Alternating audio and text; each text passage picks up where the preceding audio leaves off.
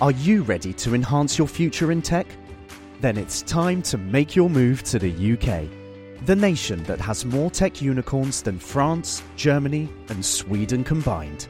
The nation that was third in the world to have a $1 trillion tech sector valuation. The nation where great talent comes together. Visit gov.uk forward slash great talent to see how you can work, live, and move to the UK. We love our pets, but when the floor's covered in fur, that's harder to love. Eufy X10 Pro Omni Robot Vacuum has powerful 8000 PA suction to make hair vanish from floors in just one pass. Plus, the roller brush has automatic detangling for easy hands-free maintenance. Want to know more? Go to eufy.com. That's EUFY.com and discover X10 Pro Omni, the best in class all-in-one robot vacuum for only $799. As a person with a very deep voice, I'm hired all the time for advertising campaigns. But a deep voice doesn't sell B2B, and advertising on the wrong platform doesn't sell B2B either. That's why, if you're a B2B marketer, you should use LinkedIn ads. LinkedIn has the targeting capabilities to help you reach the world's largest professional audience. That's right, over 70 million decision makers all in one place. All the big wigs, then medium wigs, also small wigs who are on the path to becoming big wigs. Okay, that's enough about wigs. LinkedIn ads allows you to focus on getting your B2B message to the right people. So, does that mean you should use ads on LinkedIn instead of hiring me, the man with the deepest voice in the world? Yes. Yes, it does. Get started today and see why LinkedIn is the place to be to be. We'll even give you a $100 credit on your next campaign. Go to linkedin.com slash results to claim your credit. That's linkedin.com slash results. Terms and conditions apply. Helt siden de første menneskene slo seg ned i Trøndelag, har det blitt observert underlige lys over Hessdalen. Fenomenet har blitt forsøkt bortforklart som syner sett av bygdetullinger og deliriske hallusinasjoner forårsaket av den lokale drikkekulturen. Men det skulle vise seg at fenomenet stakk langt dypere, når Hessdalen-fenomenet fikk verdensomspennende oppmerksomhet i ufo-miljøet på 1980-tallet. Fenomenet er fremdeles der, og det er fremdeles like uforklarlig som den gang. I 2024 kommer en podkastserie i seks deler, produsert av Project Hessdalen, som kanskje en gang for alle skal finne svar på hva som rører seg på himmelen i denne bortgjemte dalen i Trøndelag. Serien har som seg hør og bør fått tittelen A Blaze in the Northern Sky, og den kommer til din favorittpodkastavspiller i 2024.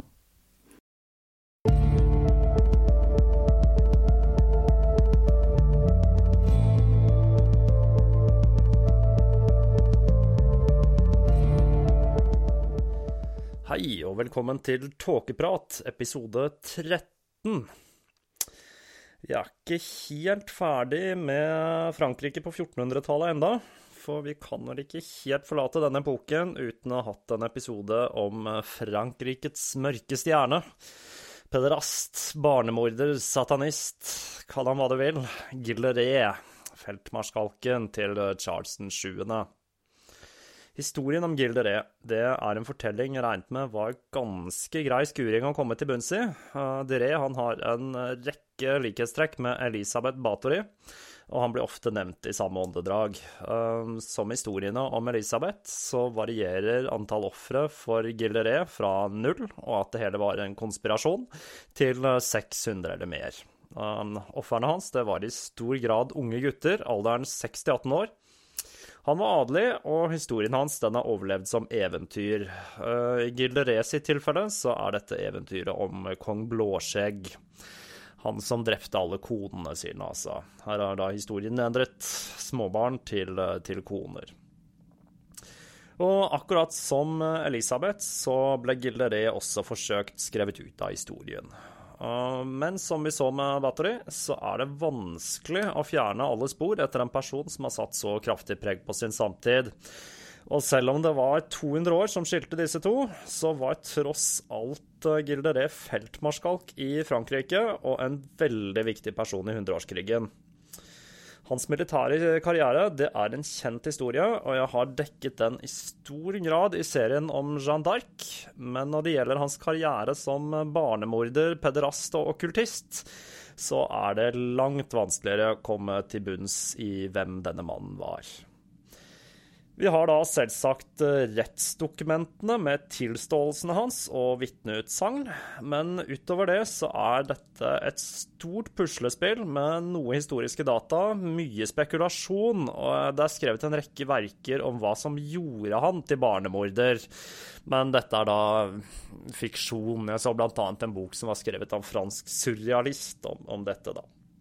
Så hele denne mannen han er dynket i mystikk og folklore. Han har også blitt forsøkt frikjent en rekke ganger, av flere instanser. Her må man jo da nevne antropologen Margaret Murray. Hun har da en rekke teorier om at eksisterer en gudinnedyrkende heksekult som har overlevd siden tidenes morgen. Og det er teoriene hennes som inspirerte Gerard Gardner, grunnleggeren av Vika, til å, til å starte Vika. Og her må jo også selvfølgelig nevnes eh, sjefen over alle sjefer når det kommer til vestlig esoterisk tradisjon, nemlig selveste Alistair Crowley. Det er en figur jeg kan garantere at eh, kommer til å dukke opp mer i denne podkasten. Um, begge disse to de hevdet at uh, Gilderé han var en del av en gammel, magisk, okkult heksetradisjon, og han ble full, forfulgt og henrettet av inkvisisjonen pga. dette. Men når det gjelder Crowley, så kan man jo aldri helt vite, da, for han hadde jo en litt rar sans for humor. En annen forklaring som har blitt brukt for å renvaske Gilderé, det er at han var et offer for en konspirasjon for å slå kloa i landområdene hans. Uansett hvor fristende det er å kaste seg over disse teoriene, så er de fleste historikere enig i at det er en kjerne av sannhet i beskyldningene mot Gilderé. Og jeg har forsøkt å lappe sammen et bilde av hva som skjedde med denne mannen, som var en av Jeanne d'Arcs mest betrodde menn. Jeg bør kanskje også gjøre oppmerksom på at dette er en særs grusom og motbydelig fortelling. Så da er lytterne advart. Gilderet ble født i september eller oktober 1405. Han ble født i Chateau de Champtosé i Anjo, eventuelt i Chateau de Merchechou, avhengig av eh, hvilken kilde man bruker. Han var sønnen til eh, det velstående paret Gilles de Laval og Marie de Crao. Vi vet eh, svært lite om tiden med foreldrene hans, bortsett fra at hans bror René de la Sus ble født i 1407, det samme året som Jeanne d'Arc. I 1415 så dør først hans mor, og senere det samme året, den 28. september, så dør faren hans, og han blir overlatt til bestefaren Jeanne de Crao. Han blir beskrevet som en voldelig, grådig og skruppelløs mann. Og den 25. oktober så dør sønnen til Jean Jeanne de Crao i slaget ved Assincourt. Dette var slaget jeg snakket om i første episoden om Jeanne, der hvor England virkelig får strammet grepet rundt Frankrike ved å drepe mange av de franske hærførerne og ved å fange hertugen av Orléans. Gill er nå i en alder av elleve år en av de rikeste arvingene i hele Frankrike. Jeanne de Craon forsøker å gifte vekk Gill et par ganger uten hell. Og i 1420 da kidnapper Gill sin fjerne kusine Catherine de Tour og gifter seg med henne i hemmelighet. Um, og med henne så følger eiendommene og slottene i Tifaux og Marchechou. Og Gill han blir enda rikere, og han begynner å strø om seg med penger og velte seg i luksus. Senere det samme året da drar Gill ut i sin første militære kampanje, hvor han slåss på siden til Jean den 5. de Montfort av Bretagne mot eh, Pentivray. Det blir spekulert i om det var på slagmarken Gill fikk først tent sin lyst for blod. Eh, grusomheter det var en del av hverdagen til en soldat. Erkebiskopen av Rhin, Juvenal de Ursi, han gir følgende beskrivelser av krigføring på denne tiden i sine epistler fra 1439 og 1440. Soldatene tok kvinner, menn og barn. De skilte ikke mellom kjønn og alder. De voldtok kvinner og barn mens mennene måtte se på, for så å drepe mennene mens hustruer og barn måtte se på. De tok ammende kvinner fra spedbarn så spedbarna sultet i hjel. De tok gravide kvinner og la dem i lenker så de måtte føde i fangenskap, og de nyfødte spedbarna deres ble tatt vekk fra dem og lagt vekk for å dø. Da de var ferdig med kvinnene, ble de kastet i elva. De tok kirkens menn, prester, munker og arbeidere, og lenket de fast og torturerte de. Noen døde, og noen ble gale av den behandlingen de fikk. De fengslet dem og la dem i jern, kastet dem i fangehull med rotter og lus, hvor de ble etterlatt for å dø av sult. De tvang fangene til å steke hverandre, til å dra ut hverandres tenner, og de slo dem i hjel med stokker. Så det var ikke bare byliv med åpen kloakk og pest som var drit på 1400-tallet, med andre ord. Eh, vi vet at eh, en av Gills kapteiner ble henrettet for å ha deltatt i denne typen krigsforbrytelser i 1439. Men Gills selv deltok neppe i denne typen aktiviteter etter han ble med i Jeans hær da hun forbød denne typen eh, handlinger. I 1422 blir ekteskapet til Gill og Catherine velsignet av biskopen i Anger i slottet deres i Chalon. Sammen med Bretagne så støtter Gill Charles 7., og han kjemper mot England under banneren til Ambro de Lour i 1437. Og under et felttog i La Lude så utmerker han seg under et angrep mot en engelskokkupert festning. Han hugger da den engelske kapteinen Blackburn i to med et enkelt hugg med sverdet sitt. Og senere samme år, da trekker Jean den 5. britannisk støtte til Frankrike, og han støtter da traktaten i Troyes og blir en del av eh, den engelsk-burgundiske fraksjonen. I 1428 blir Gill presentert for eh, Charles sitt hoff av sin fetter George La Tremouille, som var eh, Charles' eh, kammertjener. Og han bidrar både med soldater og med formuen sin i Charles' kamp mot England. Og med dette så stiger statusen til Gill enda mer. I 1429 møtes Gill og Jeanne for første gang. Hun ankommer Chinot for å overbringe sin beskjed til Charles fra Gud den 25. februar, og Gill, som var til stede ved hoffet på denne tiden, han fikk nok se denne historiske hendelsen med egne øyne. Og da Jeanne til slutt ble sendt til Orléans for å frigjøre byen, for å vise at hun virkelig var sendt fra Gud, så var det Gilderé som ble gitt ansvaret for å ivareta hennes sikkerhet. Det som skjer videre i denne historien, det dekket jeg i del tre av Jean Lapucelle.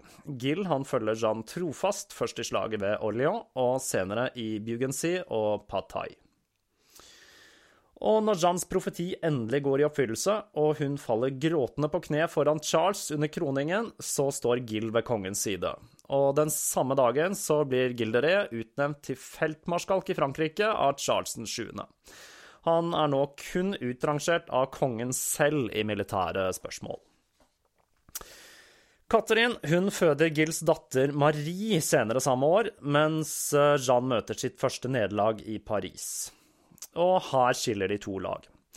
Jeanne hun fortsetter sin kamp for eh, Frankrike og ender med å bli brent for kjetteri, mens eh, Gill derimot, han er opptatt med å hjelpe Georges la Tremouille i en litt hårete affære med Jolande av Aragon om okkupasjonen av Sable, hvor eh, Gill bidro militært mot Jolande. Og som vi vet, så var jo Lande en veldig viktig støttespiller for, for Charles 7. Så det var litt, litt hårete, dette her, altså.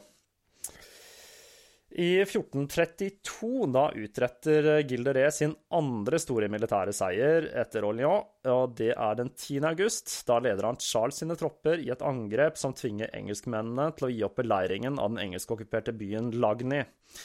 Etter denne seieren så trekker han seg tilbake til eiendommene sine, og da hovedsakelig til få. Jean de Craol, bestefaren til Gill altså, han dør den 15. november. Men han var blitt skremt av Gills voldsomme pengebruk, og han overlater ansvaret for familienavnet til det yngste barnebarnet sitt, René. Men like fullt så arver Gill en enorm formue. Og det er nå barnemordene begynner. De begynner i hemmelighet, og den eneste som kjenner til disse, det er Gildy Sill, som var Res fetter og medsammensvorne.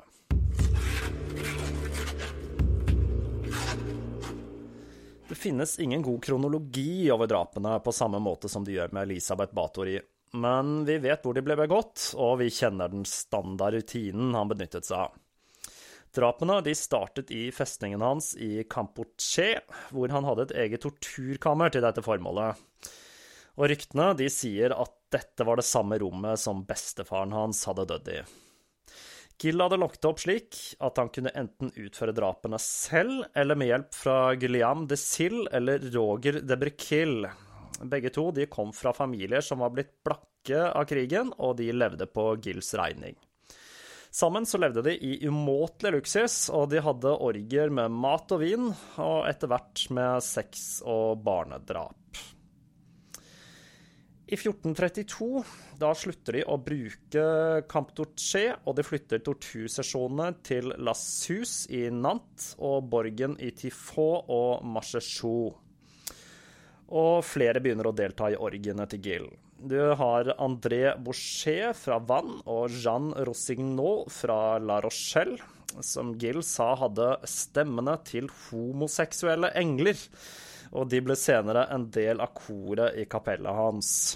I tillegg til disse så hadde du Hiquet de Bremont og Robin Romelard, og ikke minst Poitot og Henriette, som skulle være to av Gills viktigste medsammensvorne. Denne mannen de var uh, Gills uh, homofile elskere, og de hjalp han med å få tak i barn. Uh, de lokket da til seg fattige smågutter, og noen ganger jenter, med fagre løfter om å få mat.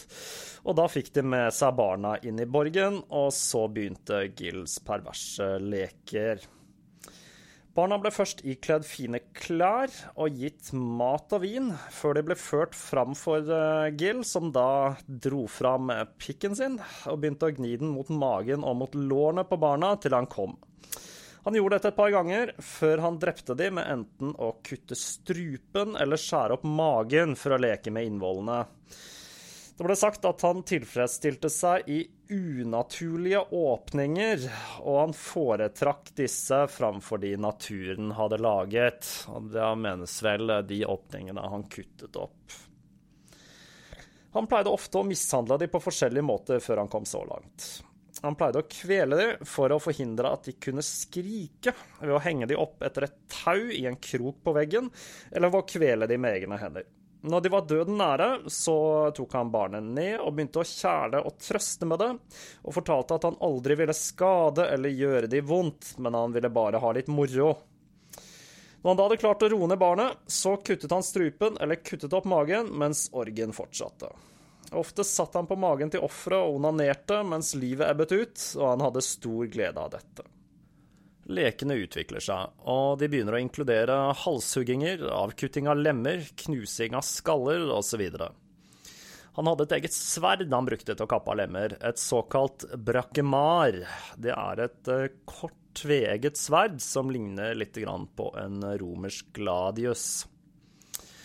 Gill han skrøt at han ble mer opphisset av torturen enn å ha sex med barna.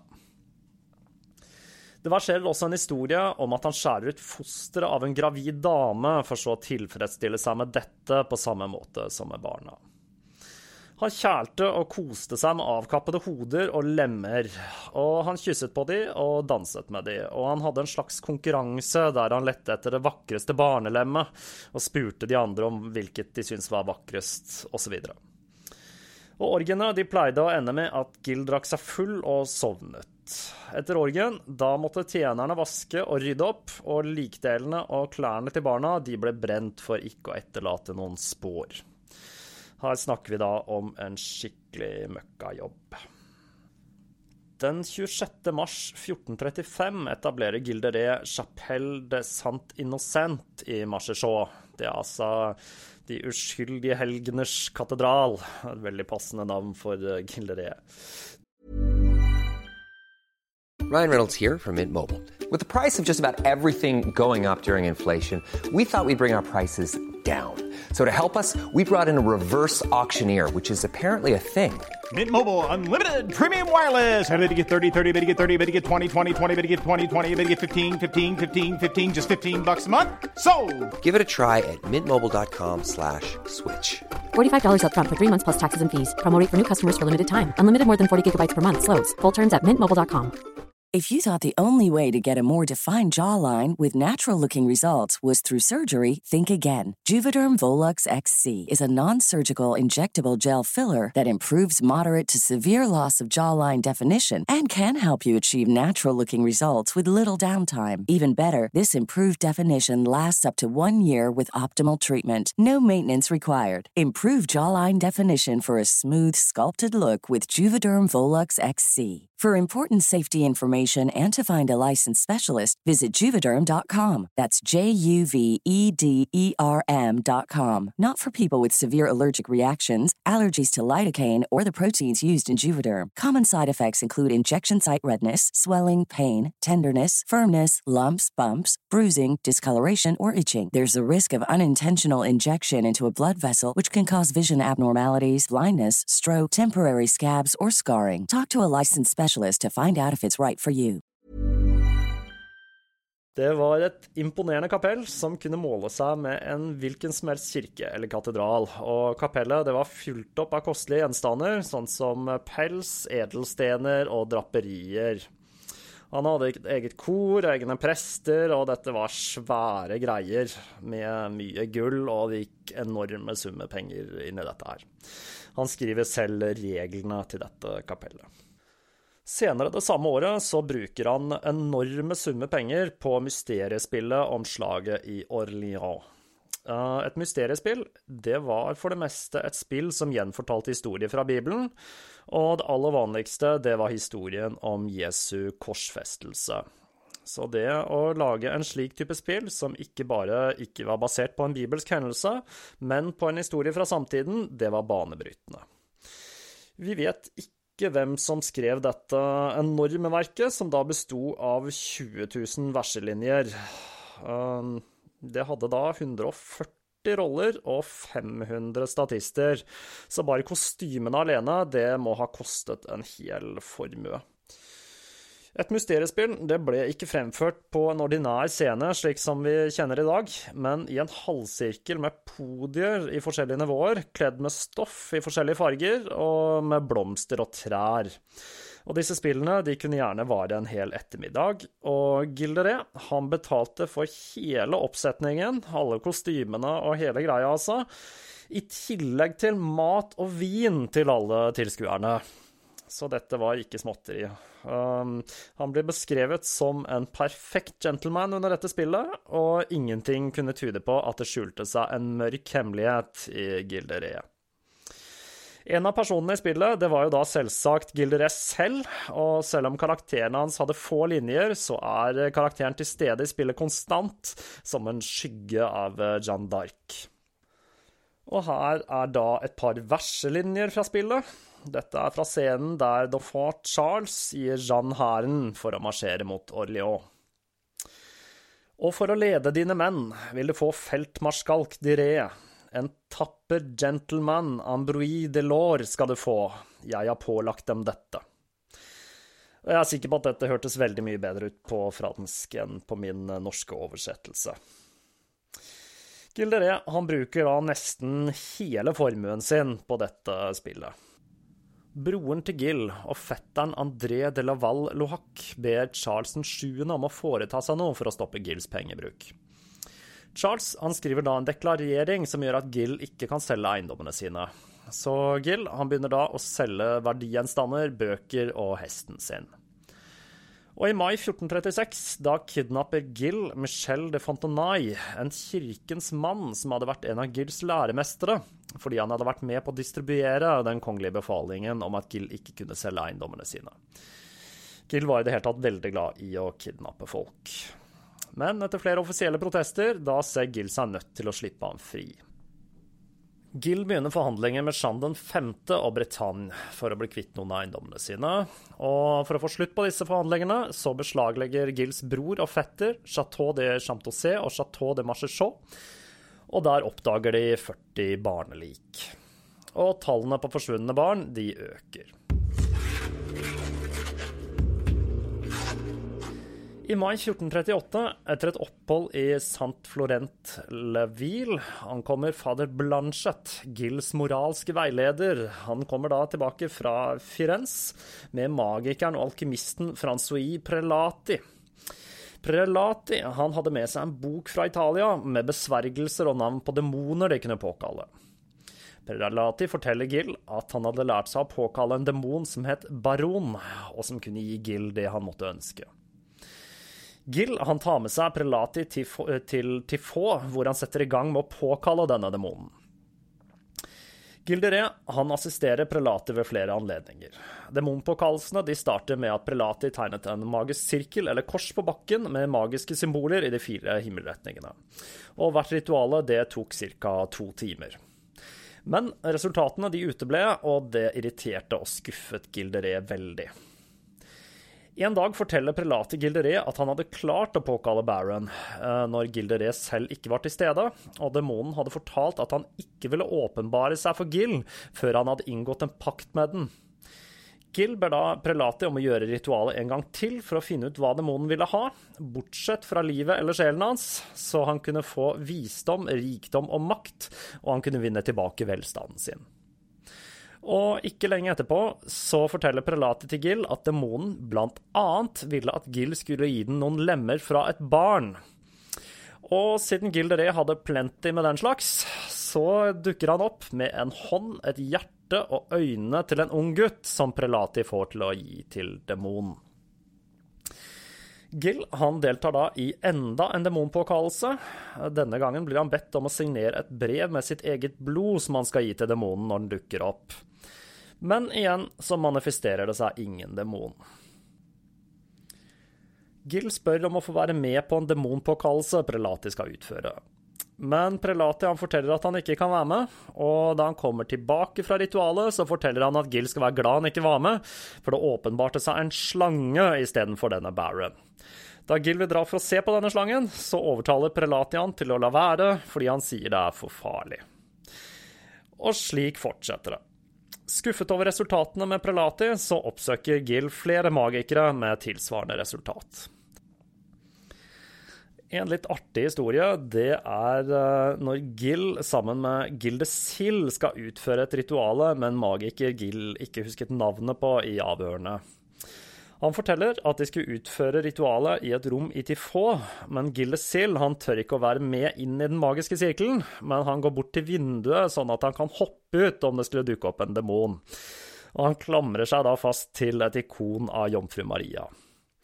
Gilderé han var selv i sirkelen, og han hadde fått beskjed om at han ikke kunne korse seg, for det ville gjøre at alle ville bli satt i fare. Men etter en stund så ber magikeren han gå ut av sirkelen og forlate rommet. Han korser seg idet han går ut, og lukker døren bak seg. Gildesil forteller at straks dere hadde forlatt rommet, så begynte en usynlig kraft å slå magikeren med en stump lyd. Og like etter så tumler han ut av rommet stygt forslått, med kuler og blåmerker over hele kroppen. Magikeren han var sengeliggende i flere dager, men han kom til hektene igjen uten varige men. Her kan man jo lure litt på hva som egentlig skjedde. Gill han fortsetter letingen etter noen som kan påkalle demoner, og han finner plenty med hekser og trollmenn, men uh, ingen uh, klarer å gjøre det han vil. Så han hengir seg til alkemi for å få has på gjelden sin. Han bygger et laboratorie med en rekke alkemiske ovner i et forsøk på å lage de vise sten for å fremstille gull. Mye kan jo sies om alkemi, og det har vært mange misforståelser om denne gamle kunsten, som ikke bare er en slags forgjenger til dagens kjemi, men en slags bro mellom det materielle og det åndelige. Men i Gilderes i tilfelle så var nok dette bare enda et desperat forsøk på å ta igjen sin tapte formue. Enda flere barn blir drept, og gjelden til Gill den bare øker. Og så skjer noe litt artig. I 1439 så får Gill besøk av den falske Jeanne d'Arc, som jeg snakket om i episode fire av Jeanne la Pucelle. Hun forteller at det var en dobbeltgjenger som ble brent på staken, og Gill han tror henne og gir henne en garnison med soldater. Men hun blir da avslørt som en bedrager kort tid etter, i 1440 altså. Man kan jo lure på hvor lik denne jenta faktisk var på Jeanne, ettersom hun klarte å lure både Gilderé og Jeannes brødre, men her kan det tenkes at de kanskje brukte denne falske Jeanne for å tjene penger. Det er vel i hvert fall noe av det første jeg tenkte på da jeg leste den historien. Blakk og forlatt og full av anger, så begynner Gill å snakke om at han vil endre livsførselen sin, og han planlegger en pilegrimsferd til Jerusalem. Og ryktene om barnemordene og satanisme de var nå begynt å spre seg. Og i desember, da får han besøk av Dauphin de Venoy, sønnen til Charles 7., og senere Louis 11., og Gilderé han føler nå at han er under mistanke, og han begynner å ødelegge sitt alkemiske laboratorie og ovnene. Den 15. mai 1440 stormer Gill inn i kirken Sant Etienne de Mermort, hvor han skjeller ut presten Jean Leferron, som hadde kjøpt en av eiendommene til Gill til en svært lav pris. Han tar han til fange, og dette er begynnelsen på slutten. Han hadde brutt kirkens lov ved å kidnappe denne presten. Igjen så er han veldig, veldig glad i å bare storme inn og kidnappe folk. En hemmelig etterforskning blir igangsatt av eh, Jean Le Malstroui, biskopen av Nantes, kansleren av Bretagne og hertugen av Bretagne. Han gir han en gigantbot for å ha kidnappet denne presten. I juli reiser han til Josselie for å forhandle med Jean den 5., og den 24. august blir eh, Jean Lefron sluppet fri, og Arthur de Riquemont han uh, tar Tifaux. Den 15. september blir Gil Prelati, Blanchet, Henriette og Poitot arrestert av Jean Lab på Jean Le Malestroui sin ordre og ført til Nantes. Gil blir fengslet. Den 19. september starter rettssaken, og Gill føres fram for Jean Le Malestroy. Den 8. oktober blir anklagene mot Gill lest opp. Gill forsøker anke, men eh, da han blir nektet dette, så benekter han alle anklagene.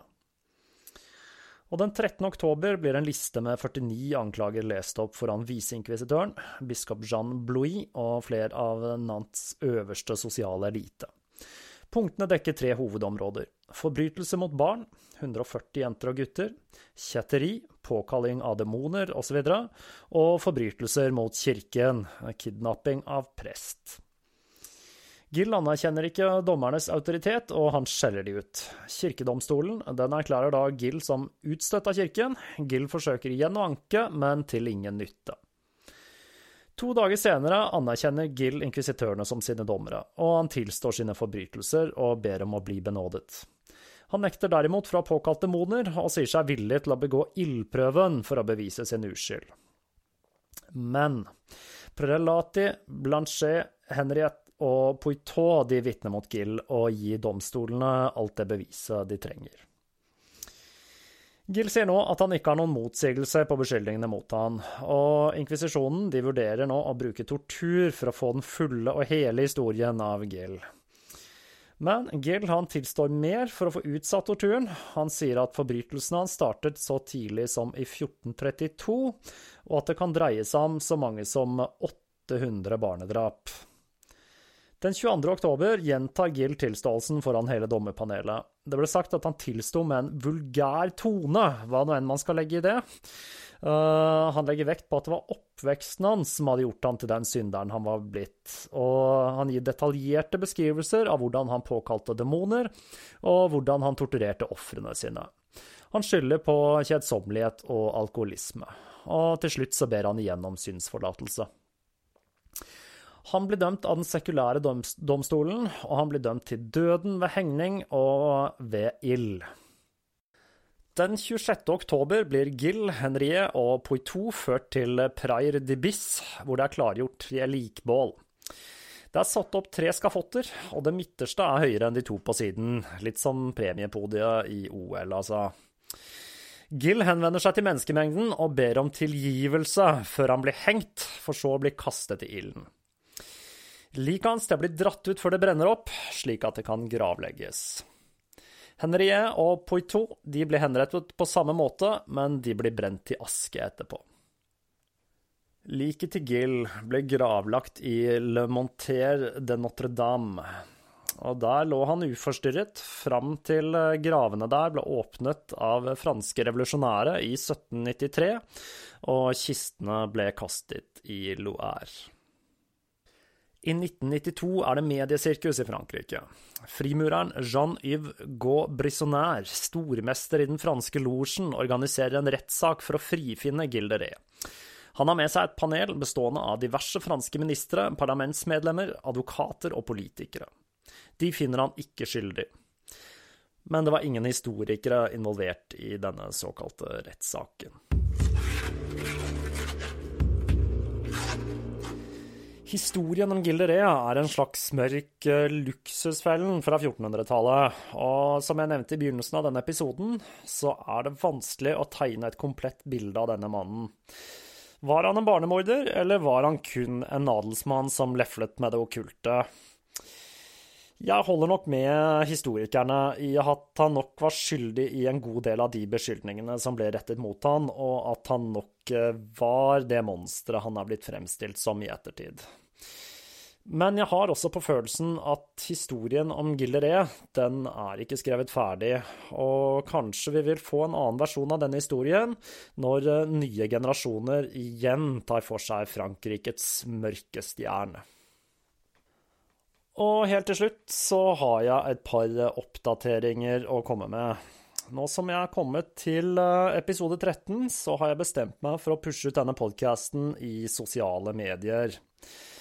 Jeg har til og med defrostet min fryste Facebook-konto kun for dette, da jeg innser at det å drive en podkast i Norge uten en Facebook-side, det er litt som å bokse med én arm bundet bak ryggen.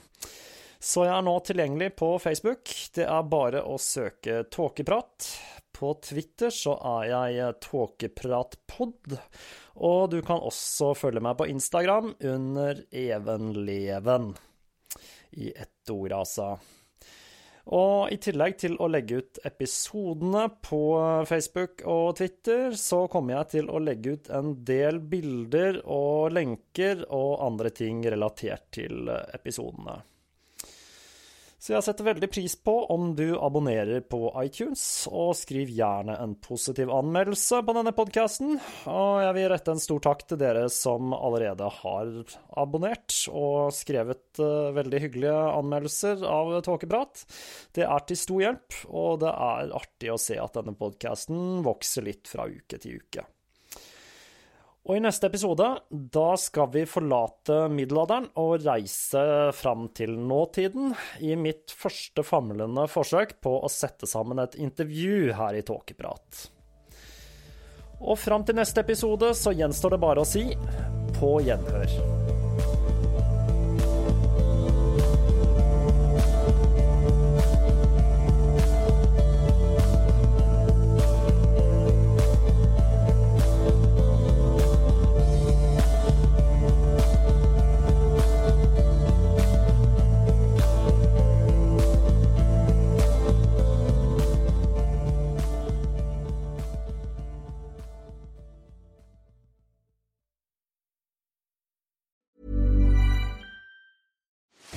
Are you ready to enhance your future in tech?